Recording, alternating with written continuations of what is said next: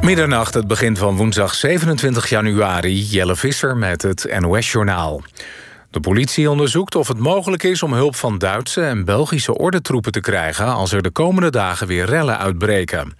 Dat zei politiechef Willem Woelders in het televisieprogramma Op 1. Volgens Woelders hebben buurlanden voldoende getrainde ME'ers beschikbaar... die onder aansturing van de Nederlandse politie kunnen worden ingezet. Hoeveel precies is nog niet duidelijk. De vierde avond met de avondklok is een stuk rustiger verlopen. Na het geweld van de afgelopen dagen waren er de afgelopen dag alleen wat samenscholingen. In onder meer Rotterdam, Amsterdam en Hilversum was de sfeer gespannen, maar het liep niet uit de hand. In Rotterdam werden 33 mensen aangehouden voor overtreding van het samenscholingsverbod. In Maastricht en Den Bosch gingen aan het begin van de avond voetbalsupporters de straten op, naar eigen zeggen om hun stad te beschermen tegen relschoppers. Ze gingen heel netjes om 9 uur weer naar huis.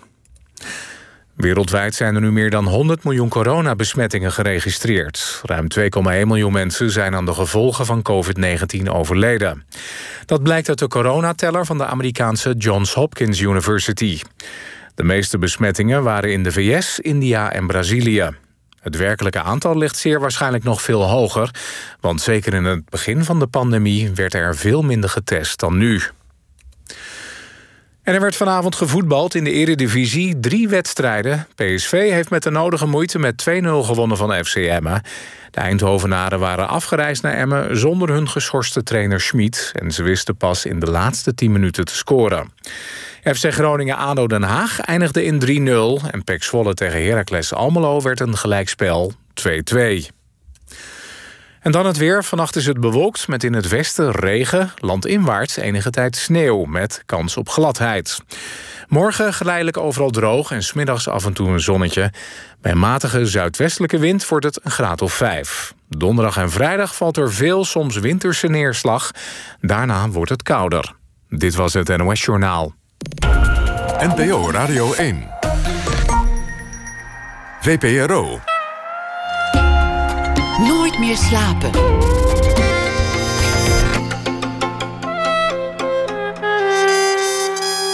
Met Pieter van der Wielen. Goedenacht en welkom bij Nooit meer slapen. Als ventje was mijn gast van komend uur al betoverd door het Midden-Oosten. En als jonge man reisde hij er naartoe met een rugzak, zoekend naar avontuur. Maar daar gaan we niet blijven steken bij dat Lawrence of Arabia-effect. Want inmiddels woont en werkt hij al zeven jaar in Egypte als journalist. Twee jaar voor hij aankwam had de menigte met hulp van het leger de despoot Mubarak weggestuurd. Op de Nederlandse talkshowtafels werd letterlijk gebuikdanst. Maar daarna verslapte de aandacht een beetje. Over alle dingen die daarna gebeurden, de machtswisselingen, de bloedbaden, de afgenomen vrijheid, de afstomping, schreef Eduard Cousin een boek. Alleen maar ellende, overschakelen naar classic rock aan de andere zijde dan maar? Nee, zo is het niet. Hij schrijft ook over de leuke dingen van het land, over zijn fascinatie, over het dagelijks bestaan en over de uiterste die hij heeft aangetroffen in zijn nieuwe woonplaats. Eduard Cousin werd eh, geboren in 1986 en de titel van het boek is Nu de wereld niet meer kijkt. Eduard, welkom. Leuk dat je er bent. Dankjewel. Je, je zegt, ik, ik hoop toch niet, dat schrijf je in het nawoord, dat mensen dit als Orientalisme gaan zien. Dat mensen mij met Lawrence of Arabia gaan vergelijken. dat het weer het zoveelste boek wordt van iemand die met een romantische blik naar het Midden-Oosten kijkt en daar zijn eigen geluk komt zoeken. Je, je hoopt heel erg dat, dat dat het niet is. Waar komt die angst eigenlijk vandaan? Uh, um, ja, deels omdat het het ook wel is. omdat het gewoon toch eigenlijk misschien. Nou, ja, ja. Je, je wordt op een gegeven moment erg lang in Egypte. Hè. Je zeven en een half jaar nu. Um, mijn vrouw komt uit Egypte en Egypte is een, is een thuisland geworden. En je ziet dan ook op een gegeven moment. Uh, nou, heel veel van je, van je vrienden zijn Egyptisch. En um, dan stoor je je langzaam steeds ook meer aan hoe mensen die minder lang in Egypte zitten en die minder ervaringen daar hebben, hoe die binnen kunnen komen, even rond kunnen kijken en dan iets kunnen schrijven, iets kunnen roepen, uh, iets kunnen publiceren. En dat is dan een eerste ergering. En dan een volgende ergering wordt dan, oeh, maar toen ik zelf net hier aankwam, was ik misschien wel niet heel erg anders. En toen schreef je ook stukken. Dus, en dus ja, nou ja, ik begon moet ik zeggen, ik had wel het idee van... ik kom hier nu net aan. Ik, heb ook, ik had ook heel weinig ervaring in de journalistiek nog toen ik aankwam. Dus ik ben toen eerst voor lokale media als redacteur gaan werken... en niet direct zelf stukken gaan publiceren. Maar ja, ik had toen op een gegeven moment had ik mijn eigen blog... in het allereerste begin. En ja, als ik die stukjes... dit blog is ook niet meer online... maar als ik naar die stukjes keek... ja, dat was echt een gewoon, ja, ik had, ik had geen idee. En ik kwam binnen en ik ging maar, oh, wat gebeurt hier allemaal? Ja, als je hier in een café gaat zitten, drinken mensen water uit een glas en ze delen allemaal hetzelfde glas met elkaar. Wat, uh, wat apart.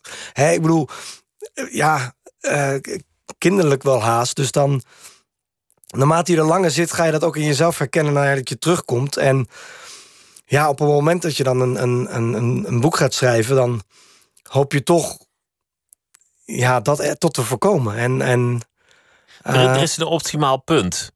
Er is het punt dat een journalist ergens net aankomt of zich net in materie gaat verdiepen en de clichés vol verwondering ziet en opschrijft. Er komt het moment dat hij daar voorbij leert kijken. En dan komt er ook het moment dat hij zo diep in de materie zit dat hij zich niet meer kan verwonderen. Dat is het moment om te vertrekken. Daar ben je nog niet.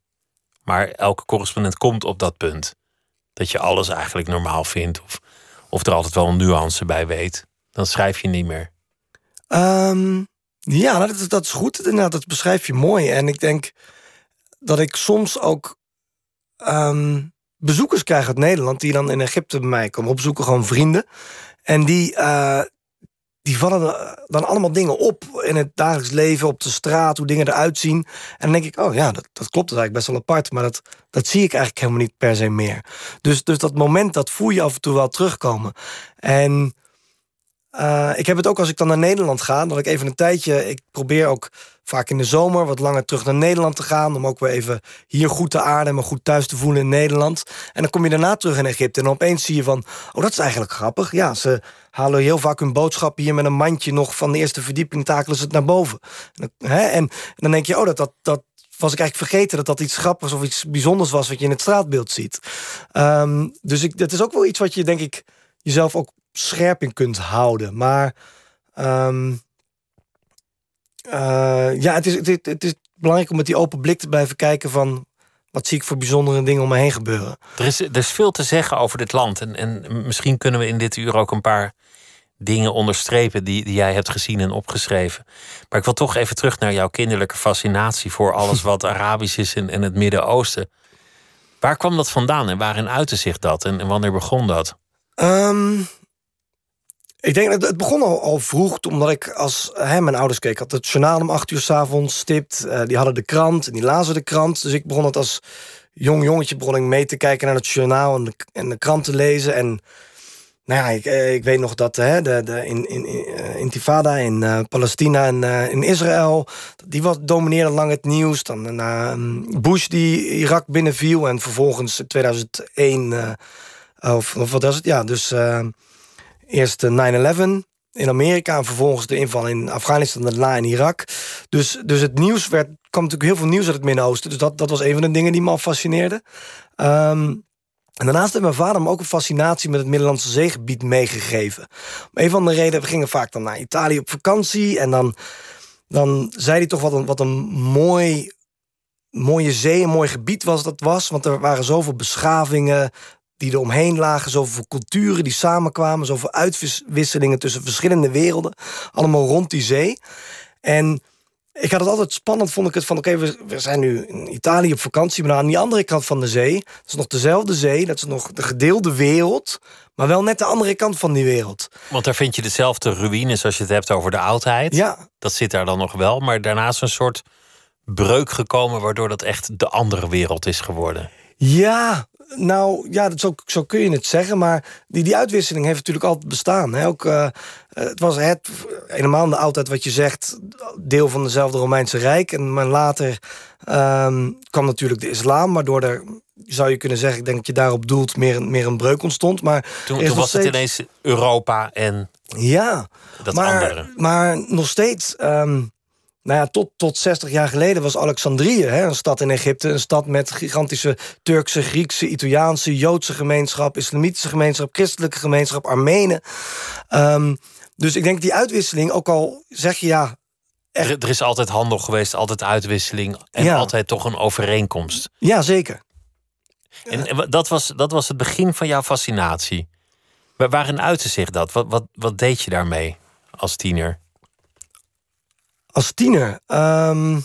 Want als ik reken snel mee, je had het over, ja. over 9-11, dan was je 15. Ja, nou ja, het, het begin het nieuws volgen. En ik had na met geschiedenis, dus schreef ik wel eens dan uh, voor de middelbare school een verslag over de Middellandse Zee, een historie. Dus dat, dat bleef in die periode nog redelijk op, op dat level. En het werd meer serieus later toen ik ook uh, um, geschiedenis en internationale betrekkingen ging studeren. Um, uh, ja, toen, toen, toen werd het meer. Um, ja, toen, toen verdiepte die interesse zich. Wanneer ben je voor het eerst naartoe gereisd? Wat was het moment dat je, dat, dat je voor het eerst de Arabische wereld ging bezoeken? 2010. Um, ik liep toen stage bij Buitenlandse Zaken. En er was een. Um, er hing een gegeven moment een, een, klein briefje op de muur binnen het ministerie in Den Haag. En dat stond op studiereis voor jonge diplomaten naar Syrië en Libanon. En ik zag dat briefje en ik dacht, daar wil ik naartoe. Dat, ik weet niet, er ging een soort aantrekkingskracht uit dat briefje. Ik dacht van ja, Syrië en Libanon, dat zijn landen die spraken tot mijn verbeelding. Um, zeker Syrië. Het stond heel erg voor iets onbekends en iets nieuws. Ik was ook nooit buiten de westerse wereld geweest, nauwelijks dat, dat buiten was dus Europa. Eén jaar voordat Syrië in de fik vloog. Ja, absoluut. Ja. Weten we achteraf. Ja. En uh, nee, ja, en ik kon dus uiteindelijk, ook al was ik stagiair, was het toch een vrij plekje. En uiteindelijk maar wat geregeld kon ik mee op die studiereis. En toen zag ik dus, ja, was ik eigenlijk voor het eerst in de Arabische wereld in die regio. En uh, toen was het eigenlijk duidelijk. Wat, wat, wat, was, wat was er duidelijk eigenlijk en, en waar lag dat aan? Wat zag je daar wat je, wat je aanspraak? Ik, um, ja, het, het was duidelijk dat ik hier naar terug wilde. Dat ik dit fascinerend vond, dat ik dit bijzonder, het, het prikkelde me, het motiveerde me. En ja, ik, die vraag krijg ik natuurlijk vaker. Wat, wat was het dan? Hè? Maar het is ook wel iets wat soms lastig is om je precieze vinger op te leggen. Uh, ik weet toch, ja, ik liep toen door de steegjes van Damascus en nou ook weer toch een beetje dat, ja, ook een beetje dat orientalistische. Ik liep door de steegjes en de marktkoopmannen riepen dingen. En er waren kleuren van kruiden en specerijen, de geuren door de straten. En de, de, de mannetjes met de waterpijpen in de hoek op de cafés waar ze backgammon speelden en domino's. En het, ja, het, het... Maar, maar, dit klinkt wel heel erg Lawrence of Arabia. Ja, Je zei net, ik wil het vermijden, maar, maar, maar hier zijn we er eigenlijk. Mijn hemel, dat is, dat is snel ontspoord. Dat is snel ontspoord. Ja, maar dat, als ik heel eerlijk ben, denk ik dus dat dat eerste begin, dat dat bij mij er ook wel echt op die manier in zat. Ehm, het, was, het was anders, het was nieuw. Uh, maar het was er ook iets waar ik nog steeds wel aan kon relateren. Het was niet en zoals ik al eerder uitdacht, toch het idee dat het nog wel van dezelfde wereld deel uitmaakte die ik kende, maar dan net de andere kant. Um, en ik, ik, ja, misschien is het ook heel simpel. Hè? De eerste keer dat je echt in een, in een ander land stapt wat echt anders is dan wat je kent, dat dat dan gewoon een enorme indruk op je maakt. Hè? Omdat uh, ik, ik had, wat is het, Frankrijk, Italië in de Alpen, Nederland gezien. Uh, en ineens kom je echt ergens waar waar toch wel een stuk exotischer is dan dat. Ja, ja, of, ja, gewoon anders en nieuw. En ik was daar denk ik in die periode van mijn leven ook heel erg aan toe. Aan iets nieuws en een, een verruiming en een uh, ja, verbreding van, mijn, van mijn wereld eigenlijk. Ja. Wat, wat is er daarna gebeurd? Wat, wat, wat is je volgende reis geweest? Um, na, na, na dit bezoek in Syrië, daar, kort daarna studeerde ik af. En toen wist ik eigenlijk uh, dat ik heel graag terug wilde. Dus toen ben ik naar Syrië gegaan om Arabisch te studeren een paar maanden. Uh, naar Damascus, dat was ook nog in 2010. En vervolgens ben ik een paar maanden later weer um, met een vriend een grote reis gaan maken door de regio. Toen hebben we samen een auto gekocht in Nederland. Toen zijn we die kant op gereden. En welke reis heb je dan gemaakt? We zijn toen van Nederland naar Istanbul gereden. En van Istanbul naar de grens met Iran. Zijn we per trein Iran ingegaan. En toen terug Turkije in. En toen met de auto weer verder naar Noord-Irak, Syrië, Jordanië, Palestina, Israël. Eigenlijk uh, ja, die hele hoek. Niet Egypte.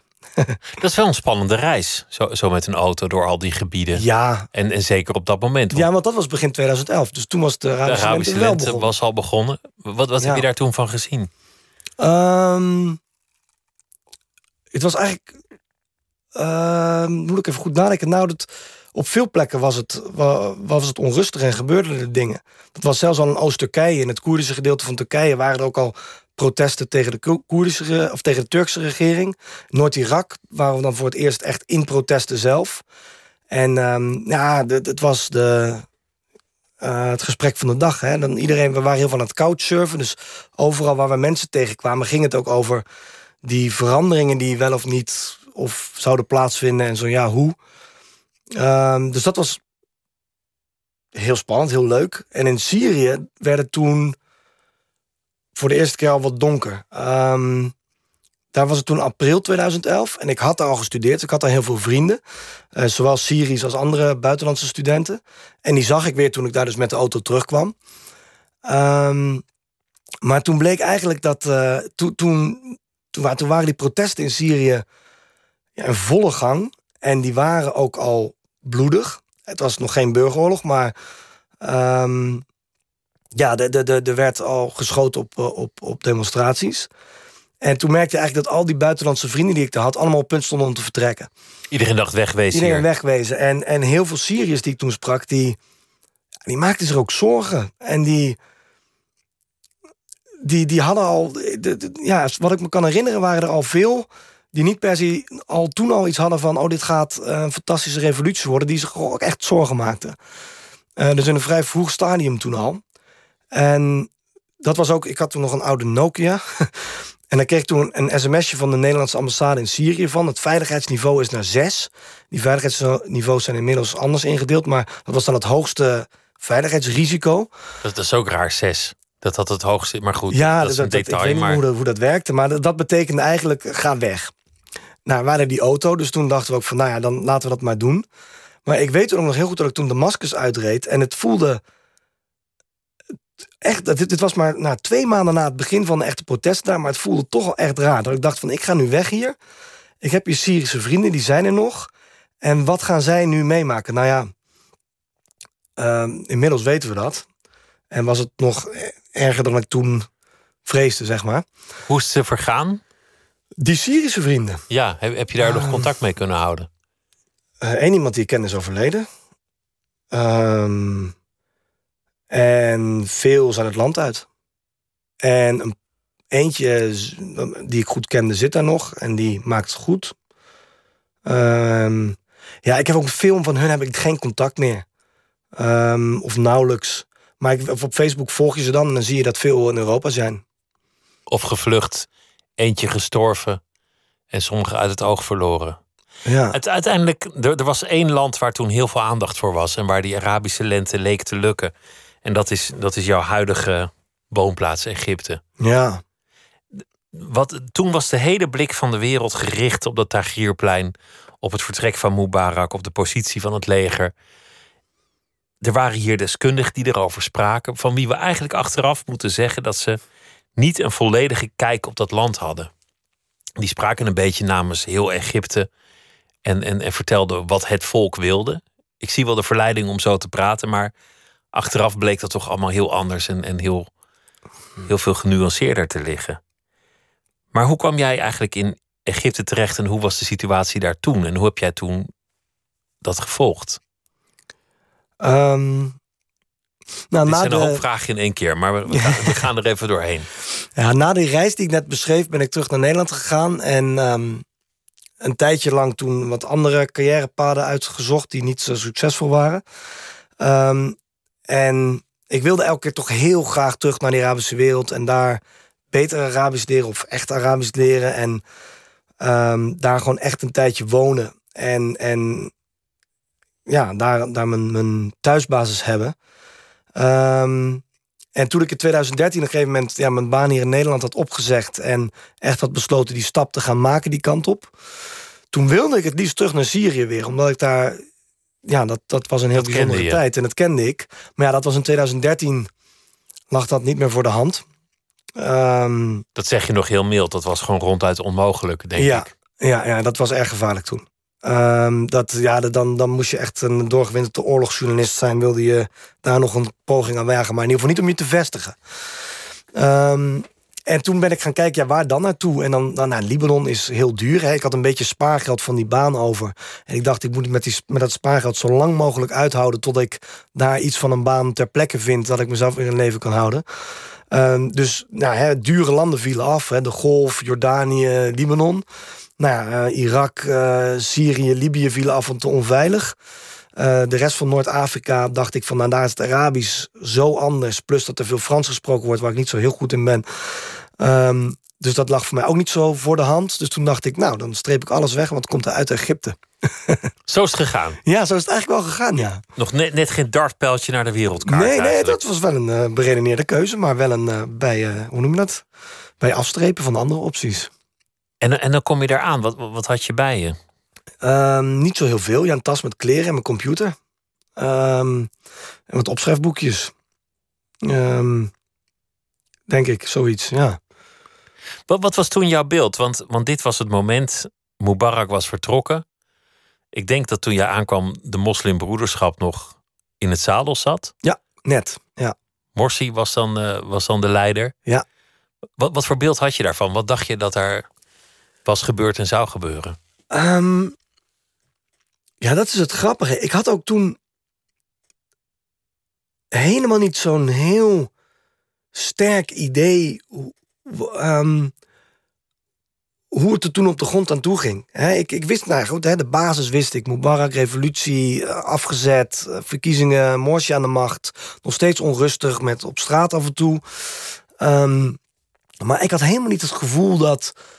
Uh, dat, dat die Morsi binnenkort weer uit de weg geruimd zou worden. Uh, ik weet wel dat ik toen, voordat ik vertrok in Nederland... in een, in een winkeltje in Amsterdam stond... En dat daar een Egyptenaar werkte waarmee ik aan de praat raakte. En die zei van, oh, je moet niet naar Egypte gaan. Want 30 juni staan er hele grote protesten gepland en dan gaat het helemaal mis.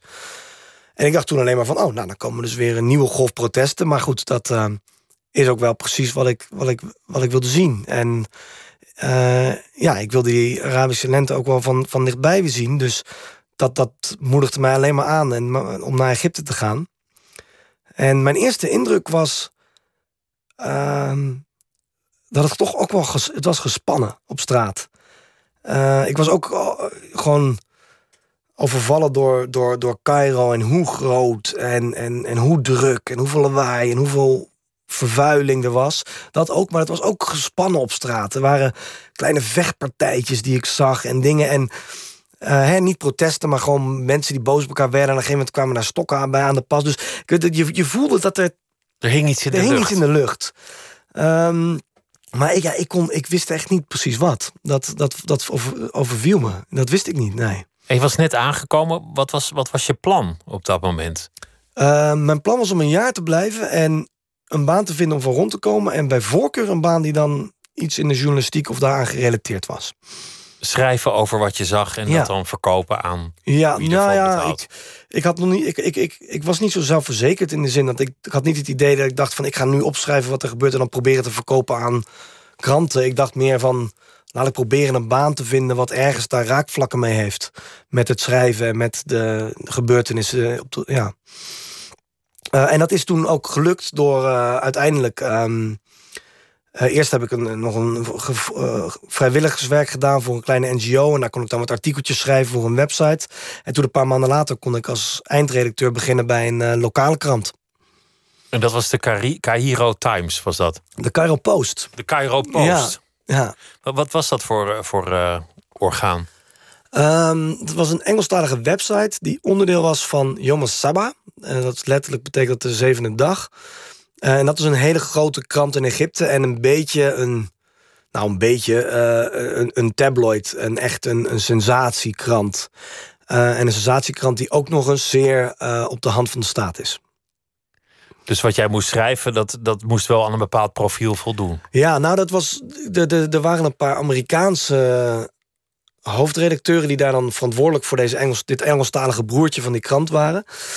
En die verkochten het van ja, wij willen als deze krant willen we het echte nieuws uit Egypte brengen. Hè? Want ehm, Uh, zoveel westerse media zitten hier, maar die begrijpen het allemaal niet. Dus die vertellen niet het echte nieuws uit Egypte. En dat gaan wij wel doen. En dat was iets wat me aansprak. Ik dacht, ja, nou, die, wat weten al die westerse journalisten die hier nou even langskomen nou van Egypte. Hè, dat kan zo'n Egyptische krant waarschijnlijk zelf veel beter vertellen. Maar wat toen bleek dat het echte nieuws was, was um, ja, gewoon een heel, heel strakke straats, staatspropaganda-lijn. Uh, en die bestond voornamelijk uit de moslimbroederschap zijn terroristen. En alles wat fout gaat aan het, in het land is de schuld van de moslimbroederschap. En de enige die, daar, die ons daarvan kan verlossen is Sisi. Want dit was rond de machtsoverdracht ja, dit was toen, Morsi en toen Sisi. Morsi dus afgezet was door, uh, door Sisi. Ja, na 30 juni 2013.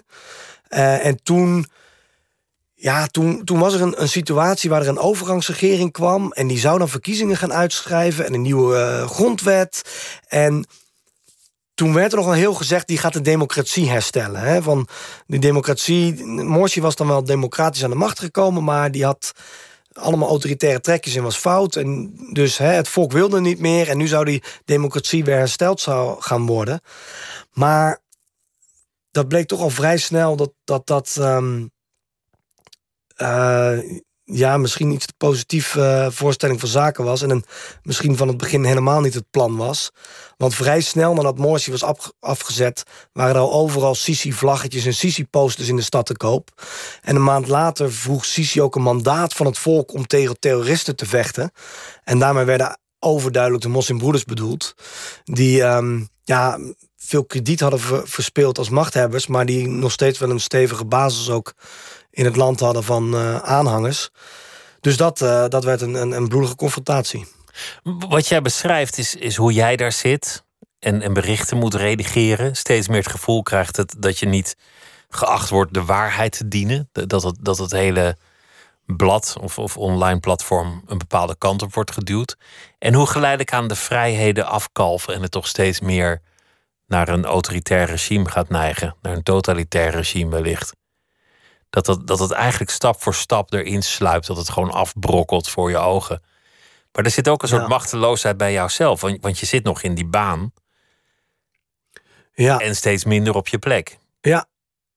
Um, nou, dit was dus in 2013, 2014 bij die krant. En toen um, ja, ben ik daar op een gegeven moment ook weggegaan.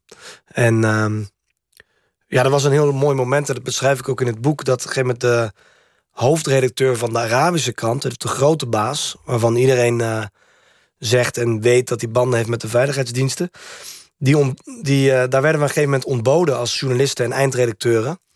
En die had toen een heel mooi verhaal. Die zei: Ja, jullie zijn echt vrij om stukken te redigeren zoals jullie willen en te schrijven wat je wil. Maar, en toen begon die verhaal, we moesten toch wel echt goed begrijpen dat die moslimbroeders echt terroristen waren. En we moesten toch ook goed begrijpen dat iedereen in Egypte Sisi als president wilde. En hij zei van, ja, en Sisi, en dat was toen nog niet bekend, maar hij zei toen, Sisi heeft mij persoonlijk gezegd dat als het volk hem wil, dat hij president gaat worden. En dat gaat ook gebeuren. Dus de, de, het, het, het, ja, het pad was uitgestippeld. Toen wist je al hoe het zou gaan. Ja, nou ja, het was echt overduidelijk. Hij, hij, eh, hij ging president worden. En terwijl hij eerder had gezegd dat hij dat absoluut niet wilde, want hij was een militair en hij wilde de democratie herstellen en hè, een burgerregering. Maar ja, daar, daar twijfelden veel mensen in het begin al aan. Maar... Hij pakte gewoon de macht uiteindelijk. Je, je beschrijft ook veel gebeurtenissen die soms bloedig zijn, soms angstaanjagend, die jij van nabij meemaakt. Het valt mij op dat je, dat je niet snel bang bent. Nou. Of, of heb ik, ik dat verkeerd gelezen? Ja, nou, op mij kwam het over dat je er nog best wel op afging en, en weer vol goede moed naar het plein ging waar een bom was ontploft of iets was gebeurd of, of dat soort mm. dingen. Ja. Je komt er mij niet over als iemand die onder de bank gaat liggen. Nee, ja, nee, ja maar wat moet je daar onder de bank doen? nee, maar. Um, ja, ik had toen. Kijk, de. de, de in, in, qua, qua echt geweld en veiligheid was die periode 2013-14 heel, heel extreem. En de, die moslimbroeders die, die waren nog aanwezig op straat. Maar Sisi was overduidelijk van plan om daar korte metten mee te maken. Dus dat in de praktijk betekende dat gewoon heel veel schieten op moslimbroederschap demonstranten... en waarbij gewoon heel veel doden vielen. Uh, en ook demonstranten van andere oppositiegroepen, hè, demonstraties van andere oppositiegroepen, daar werd er een moment ook op geschoten. Um, dus het was een, een, een heel gewelddadige periode. Maar op het moment dat je daarin zit, is het. Ja, dan vervormt de werkelijkheid op een bepaalde manier. Uh, in de zin van dat je weet van oké, hier woon ik, uh, daar werk ik, uh, daar doe ik hè, daar, daar ga ik naartoe om uit te gaan en een biertje te drinken. Of daar ga ik naartoe om eten te halen of daar om een waterpijp te roken. En die routes ken ik en die mensen ken ik en ik weet wat ik daar doe. En op het moment dat er ergens protesten zijn, dan hoor ik dat wel, dan zie ik dat wel op Twitter en dan kan ik die altijd wel vermijden. En ik was, ik, ik woonde toen met, met ervaren fotojournalisten en die gingen echt elke keer als er een gewelddadig protest was, deden ze hun helmen op, hun, uh, hoe heet die dingen, kogelvrije vesten deden ze aan. En dan gingen ze boem daarop af. En dat deed ik helemaal niet. Dus vergeleken met die mensen om me heen was ik nou ja, heel safe, risico-avers. Voorzichtig, risicomijdend. Ja, ik, ik, ik, ik ging soms naar een demonstratie, maar dan wist ik vaak wel een beetje wat voor demonstratie was. Dat het een demonstratie was die waar de kans op escalatie toch niet zo heel groot was. En ik zorgde vaak dat ik een beetje aan de buitenkant bleef. En en indien nodig altijd makkelijk weg kon. kon. Um, dus ja, in, in de context had ik meer het idee dat ik een risicomijdend dan, dan, uh, ja, dan echt... heldhaftig of iets anders. Ja. Het was voor mij goed om dit te lezen... terwijl iedereen in Nederland het uh, op de radio had over burgeroorlog... vanwege de, de rellen hier. Toen dacht ik, ja, die, ja. die wijdse blik is wel goed om vast te houden. Het is ja, ook wel goed om, om enige relativering te betrachten. Ja. Altijd, denk ik. Nou, laten we het zo hebben over, over jouw eigen leven daar. Want je, je bent getrouwd en, en steeds meer in de Egyptische wereld uh, komen te leven ook. Maar we gaan eerst luisteren naar uh, Donny Hathaway met uh, Little Ghetto Boy.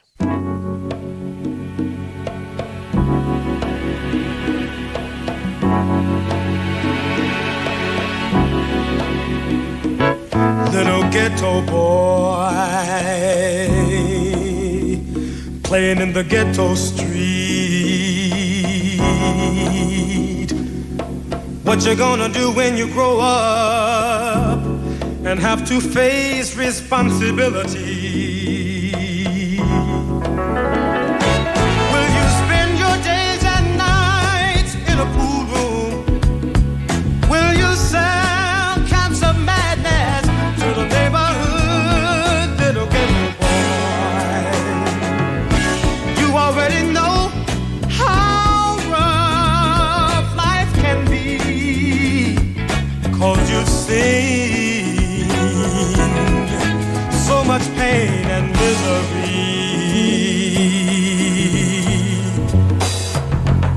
Ghetto boy. Your daddy was blown away.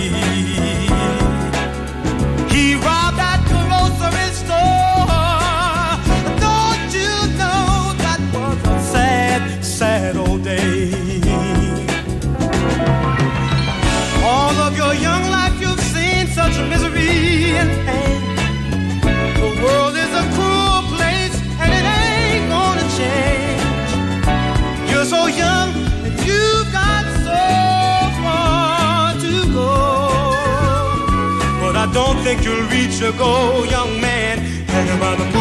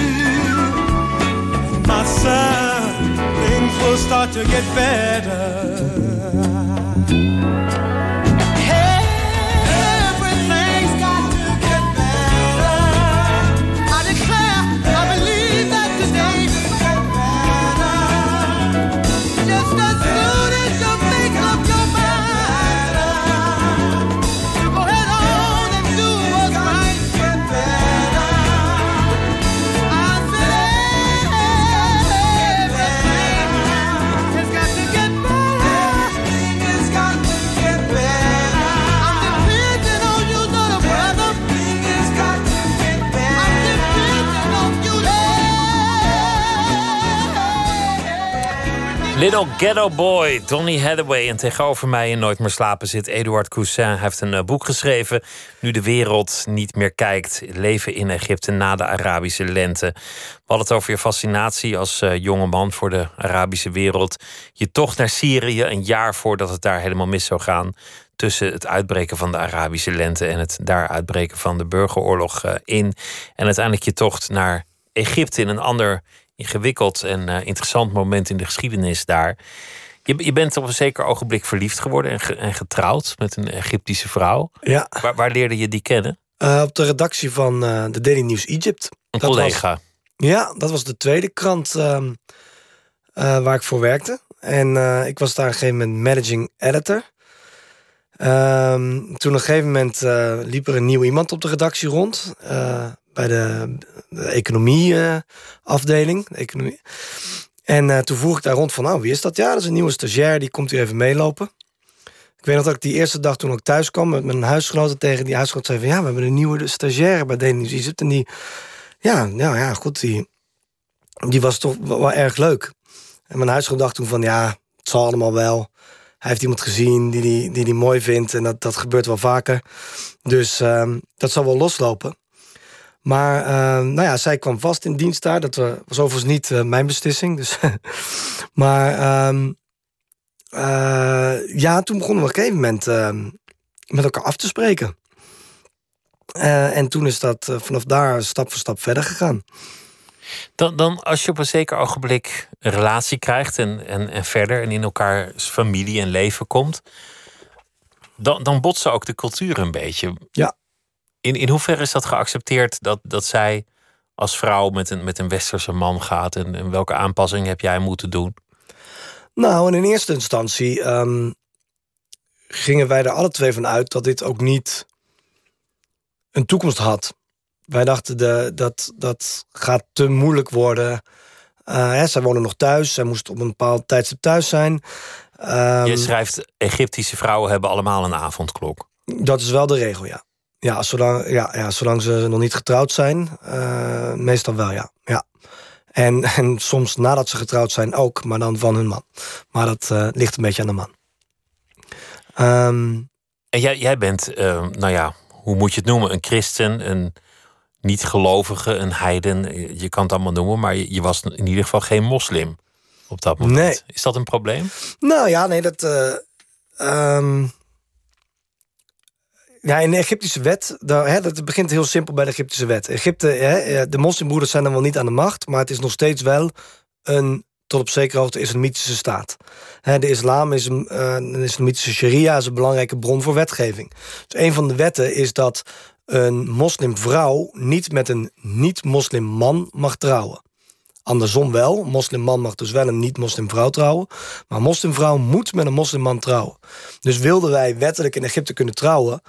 Um, puur op basis daarvan moest ik me bekeren. Was dat een schijnbekering? Um, um, nee. Mm, ik vind het een hele lastige vraag. Um, Omdat het raakt aan metafysica en, en ja. de zin van het leven en zo. Um, Waar geloof je eigenlijk in? Ja, precies, precies. Het, het, um, en te zeggen van, oh, dit moet nou eenmaal op papier, dus daarom doe ik het. En het betekent verder niks voor me, dat zou, dat, dat zou niet waar zijn.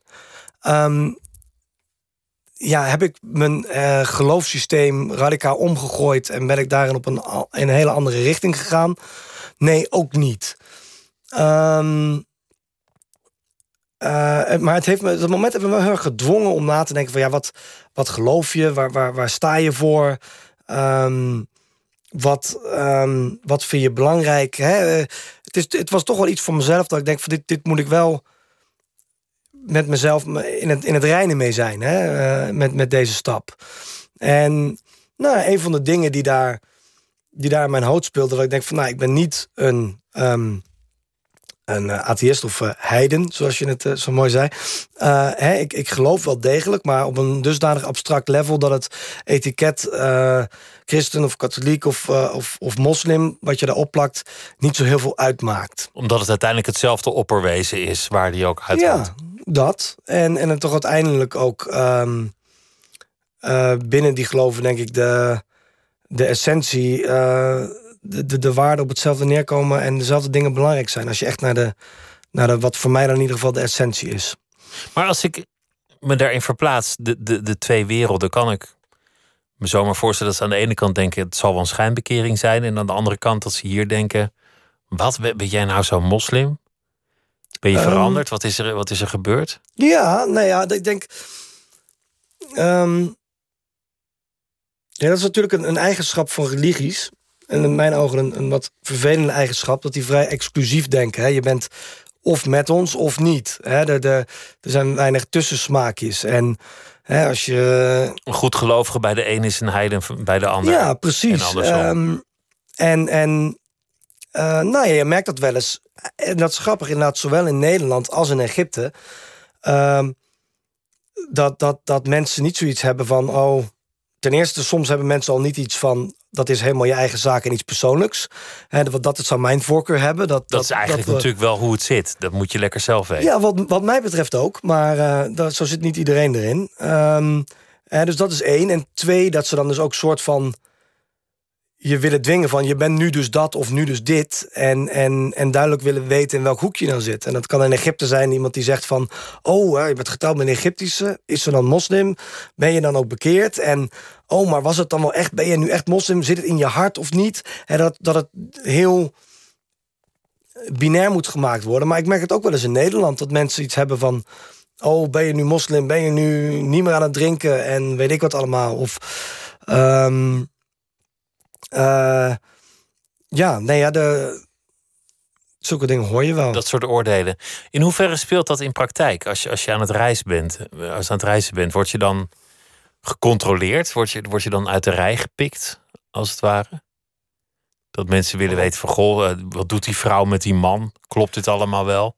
Um, ja, absoluut. Um, en ik wou zeggen dat vooral in Egypte, maar recent, dat ook, kan ook nog wel in Nederland uh, voorkomen. Hier, hier, natuurlijk ook weer, ja.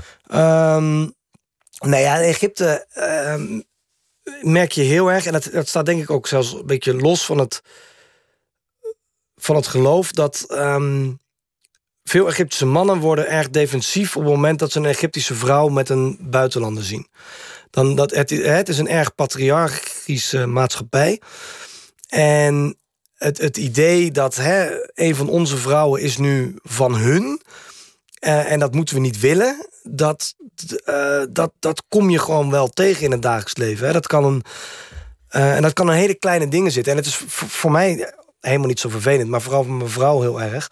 Want die zei van ja, ik, ben op, ik heb altijd in Egypte gewoond. En opeens ben ik getrouwd met een niet-Egyptenaar.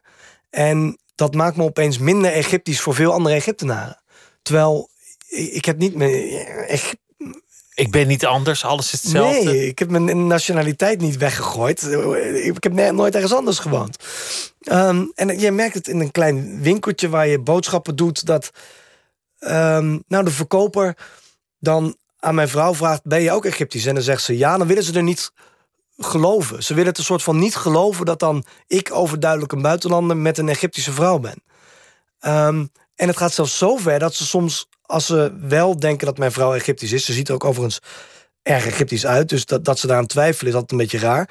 Maar op het moment dat ze denken van, oké, okay, zij is Egyptisch, dat ze niet willen geloven dat ik dat niet ben.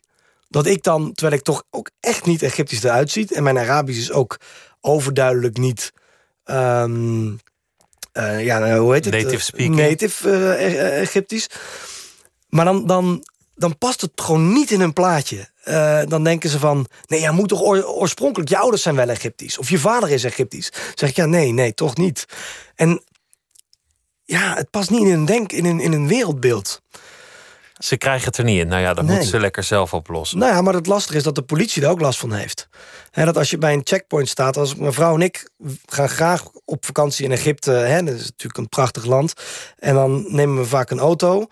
Maar op het moment dat er dan een checkpoint is en ze zien mijn vrouw en ik in die auto zitten, dan, ja, dan, dan moeten we vrijwel standaard even langs de kant van de weg gaan staan en gaan ze echt alles even doorlichten. En op een gegeven moment is het geen toeval meer. En dan wordt het gewoon, dan wordt het gewoon heel vervelend. Het heeft je wel een ingang geboden. Niet dat dat de bedoeling was, maar in het land. Wat jij beschrijft in jouw boek, en dat is denk ik wat er in 2011 van die talkshowtafels ook voor een deel in Nederland niet goed ging, is dat je de veelzijdigheid en de reusachtige verschillen binnen dat land beschrijft. Zoals jij dat hebt leren kennen. Dat er aan de ene kant enorme armoede is. Ja. Dat, dat er tussen gebieden enorme verschillen zijn.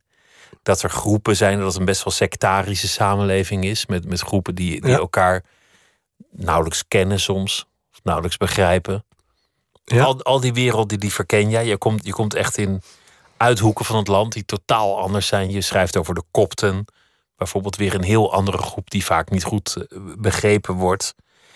En, zo reis je door dat land en begin je het steeds meer te begrijpen. Is daarmee de liefde voor dat land groter of kleiner geworden eigenlijk? Wat een goede vraag. Um, is toch groter, denk ik. Ja. Want het is het, veel dingen die je beschrijft zijn eigenlijk niet zo leuk. Armoede is niet leuk. Corruptie is niet leuk. Uitzichtloosheid is niet iets om naar te streven. Nee. Je, je schrijft prachtige verhalen over, over, over letterlijk de magie die je meemaakt. Over de, over de betovering van de wereld in sommige rituelen en opzichten. Maar ja, generaliserend las ik het en dacht van ja, er is ook wel echt veel uitzichtloosheid. Is volgens mij niet een leuk land om op te groeien voor de meesten. Nee, nee, dat klopt. Uh, maar ik, ik heb toch. Ja, volgens mij, voor mij is dat toch niet het land. Hè? Het, uh, dat is het systeem. Dat is het systeem. Hè? Dat is het systeem, het, het regime, hoe het bestuurd wordt.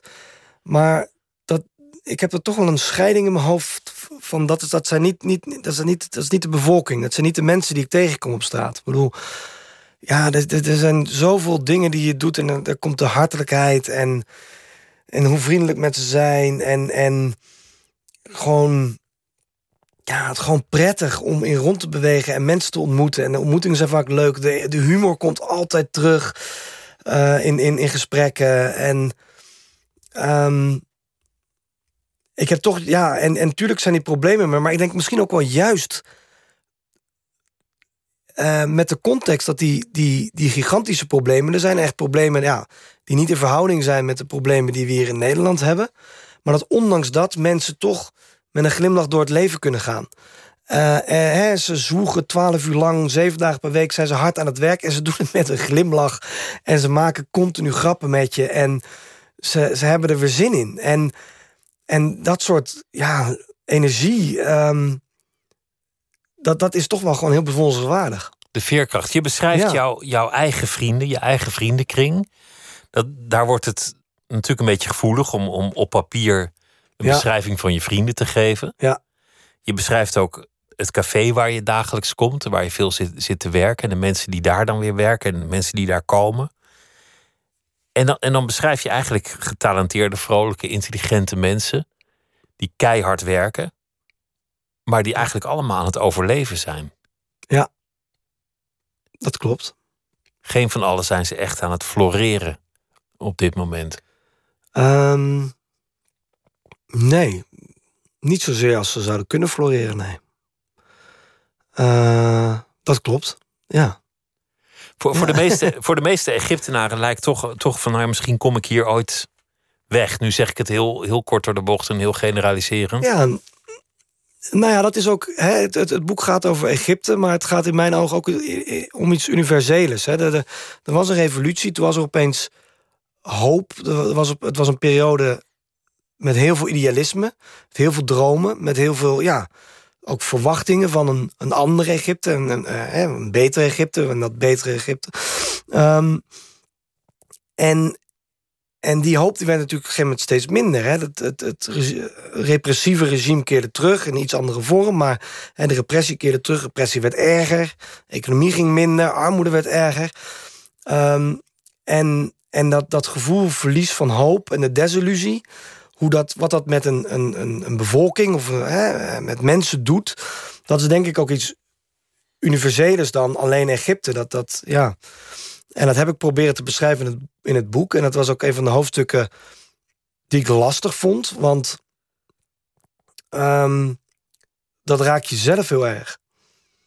Uh, en, en die ja, dat, dat, dat je ziet zoveel jonge mensen. Je ziet hoeveel talent ze hebben, hoeveel energie en hoeveel ja, ambitie. En je ziet hoe moeilijk het is voor hun om dat tot uiting te laten komen in de context die er nu is in Egypte. En dat is natuurlijk iets heel triest. En dat, uh, ja, dat draag je ook wel mee. Daar, daar word je zelf ook af en toe wat fatalistischer van. En wat, uh, cynisch soms. Um, en soms gewoon ongelukkig en, en gestrest dat je het uit wil schreeuwen, zeg maar. Is het dan eigenlijk nog wel een goede plek voor jou om te wonen? Ja, dat... dat, dat uh, schiet die gedachte nooit door je hoofd van... goh, oh, waar zou ik uh, nog weer naartoe kunnen? Die, die schiet continu door mijn hoofd. Um, maar... Um, ja, dan, dan, dan kom je eigenlijk op een heel, heel praktische situatie terug. Dat ik daar werk heb. En als journalist is het niet zo makkelijk om uh, betaald werk te vinden.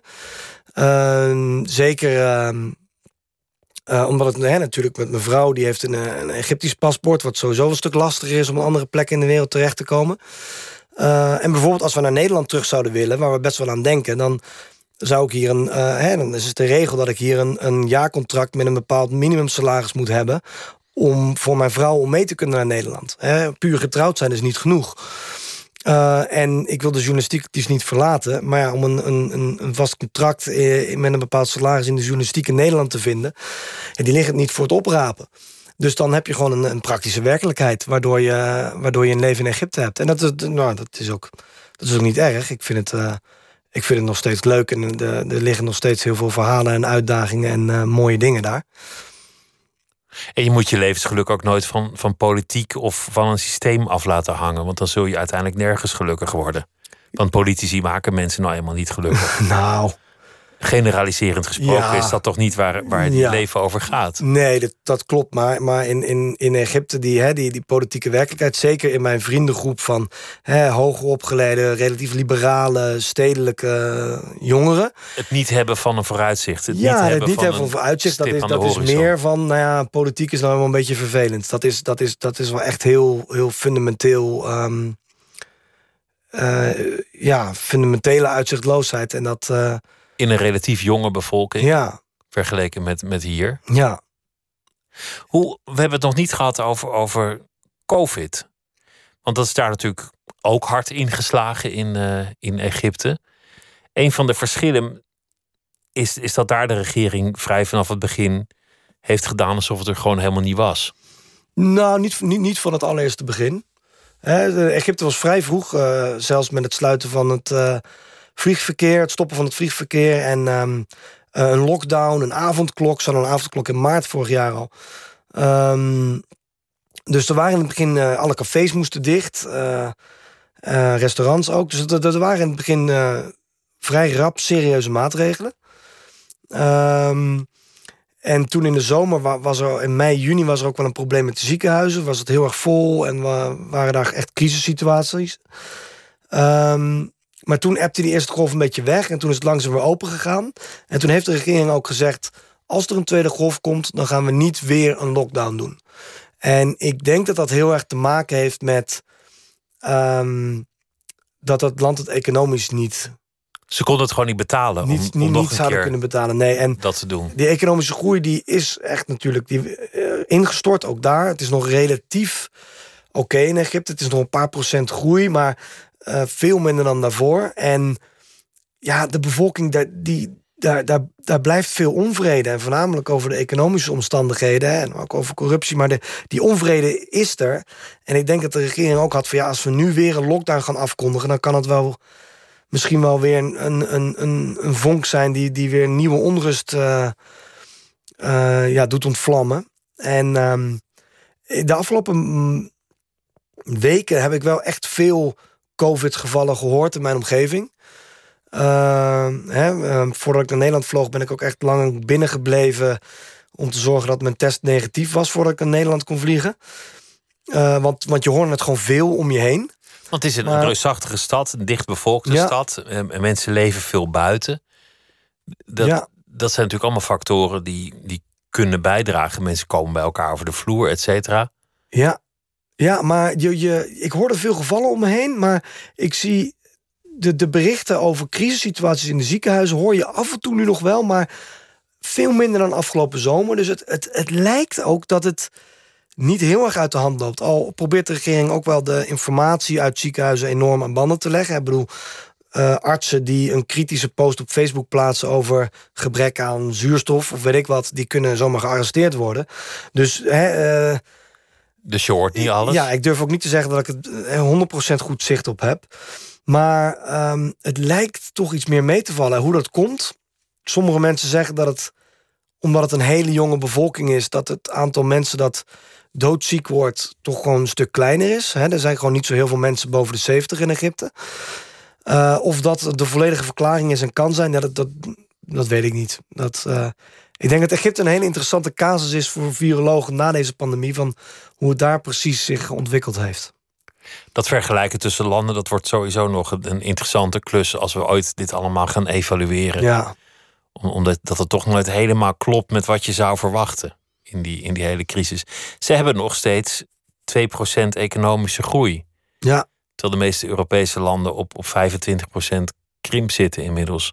Ja. Of soms iets minder, soms iets meer. Maar dat, dat is eigenlijk wonderlijk dat dat in zo'n land nog lukt. Ja, nou ja, de, de, er wordt heel veel geld gepompt in hele grote overheidsprojecten, grote infrastructurele projecten. Um, eh, bruggen, spoorlijnen, uh, wegen. Uh, en ook in het bouwen van uh, nieuwe wijken buiten Cairo. Er wordt een nieuwe hoofdstad gebouwd. Dus, um, en Egypte sluit ook heel veel leningen voor af. Dus hè, er zijn heel veel gigantische leningen die Egypte afsluit... en vervolgens in de economie pompt. Uh, plus het feit dat de bevolking nog steeds gewoon heel hard groeit. Hè. Er zijn, uh, toen ik aankwam in Egypte had het 86 miljoen inwoners en inmiddels 101. Um, dus ik denk dat, dat dat zijn zaken waardoor die economie nog wel iets groeit. Maar het was voor corona 6% Dus ze zijn ze zijn ook wel echt een stukje achteruit gegaan. En die groei komt niet bij iedereen terecht. Dat is misschien nee. wel de kern van het probleem. Nee, nee, dat, uh, de, de, hè, dat, nou, dat is een groot onderwerp. Maar het leger heeft, uh, heeft heel veel belang in de economie en heeft heel veel fabrieken uh, en produceert heel veel. En die weet daar dus ook een heel groot deel van de, ja, het geld dat in de economie omgaat, komt dus in, in, in, in het leger terecht. En dat is de vraag natuurlijk, is dat of, of dat gunstig is voor, voor het land in zijn geheel.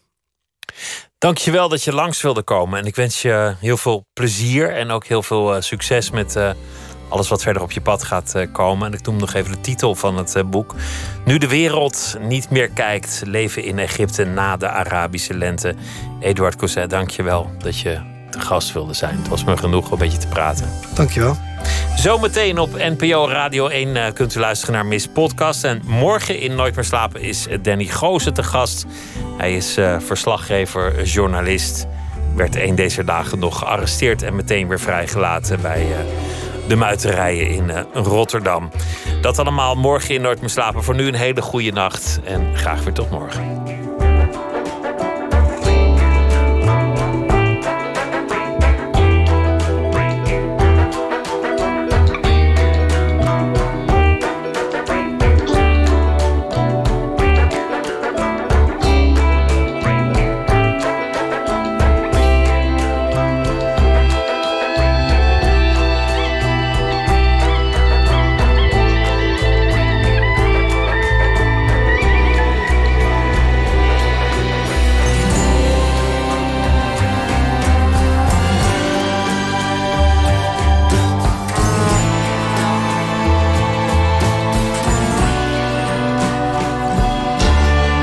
Radio 1. Het nieuws van alle kanten.